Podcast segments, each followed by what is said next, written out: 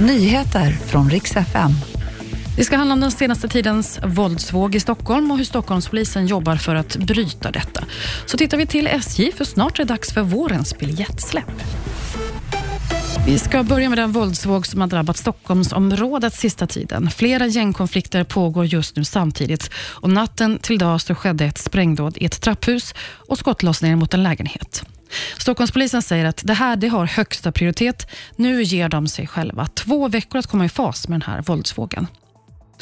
Och så ska det handla om SJ. En bit in i det nya året så börjar många planera för storhelgen och man ska åka tåg över påsk eller Kristi himmelfärd. Men precis som inför jul så kan det dröja, skriver DN.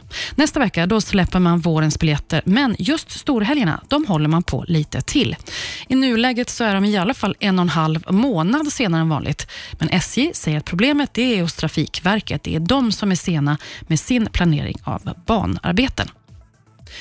Och idag så har alltså ett av Sveriges största kändispar, Mark Levengood och Jonas Gardell, gått ut och bekräftat att de kommer att separera. I varsitt Instagram-inlägg så skriver de båda att de inte ska ta ut någon skilsmässa, men att de inte längre har en kärleksrelation, utan ska försöka vara vänner. Och De har alltså varit ett par i över 30 år. Det var nyheterna. Jag heter Maria Granström.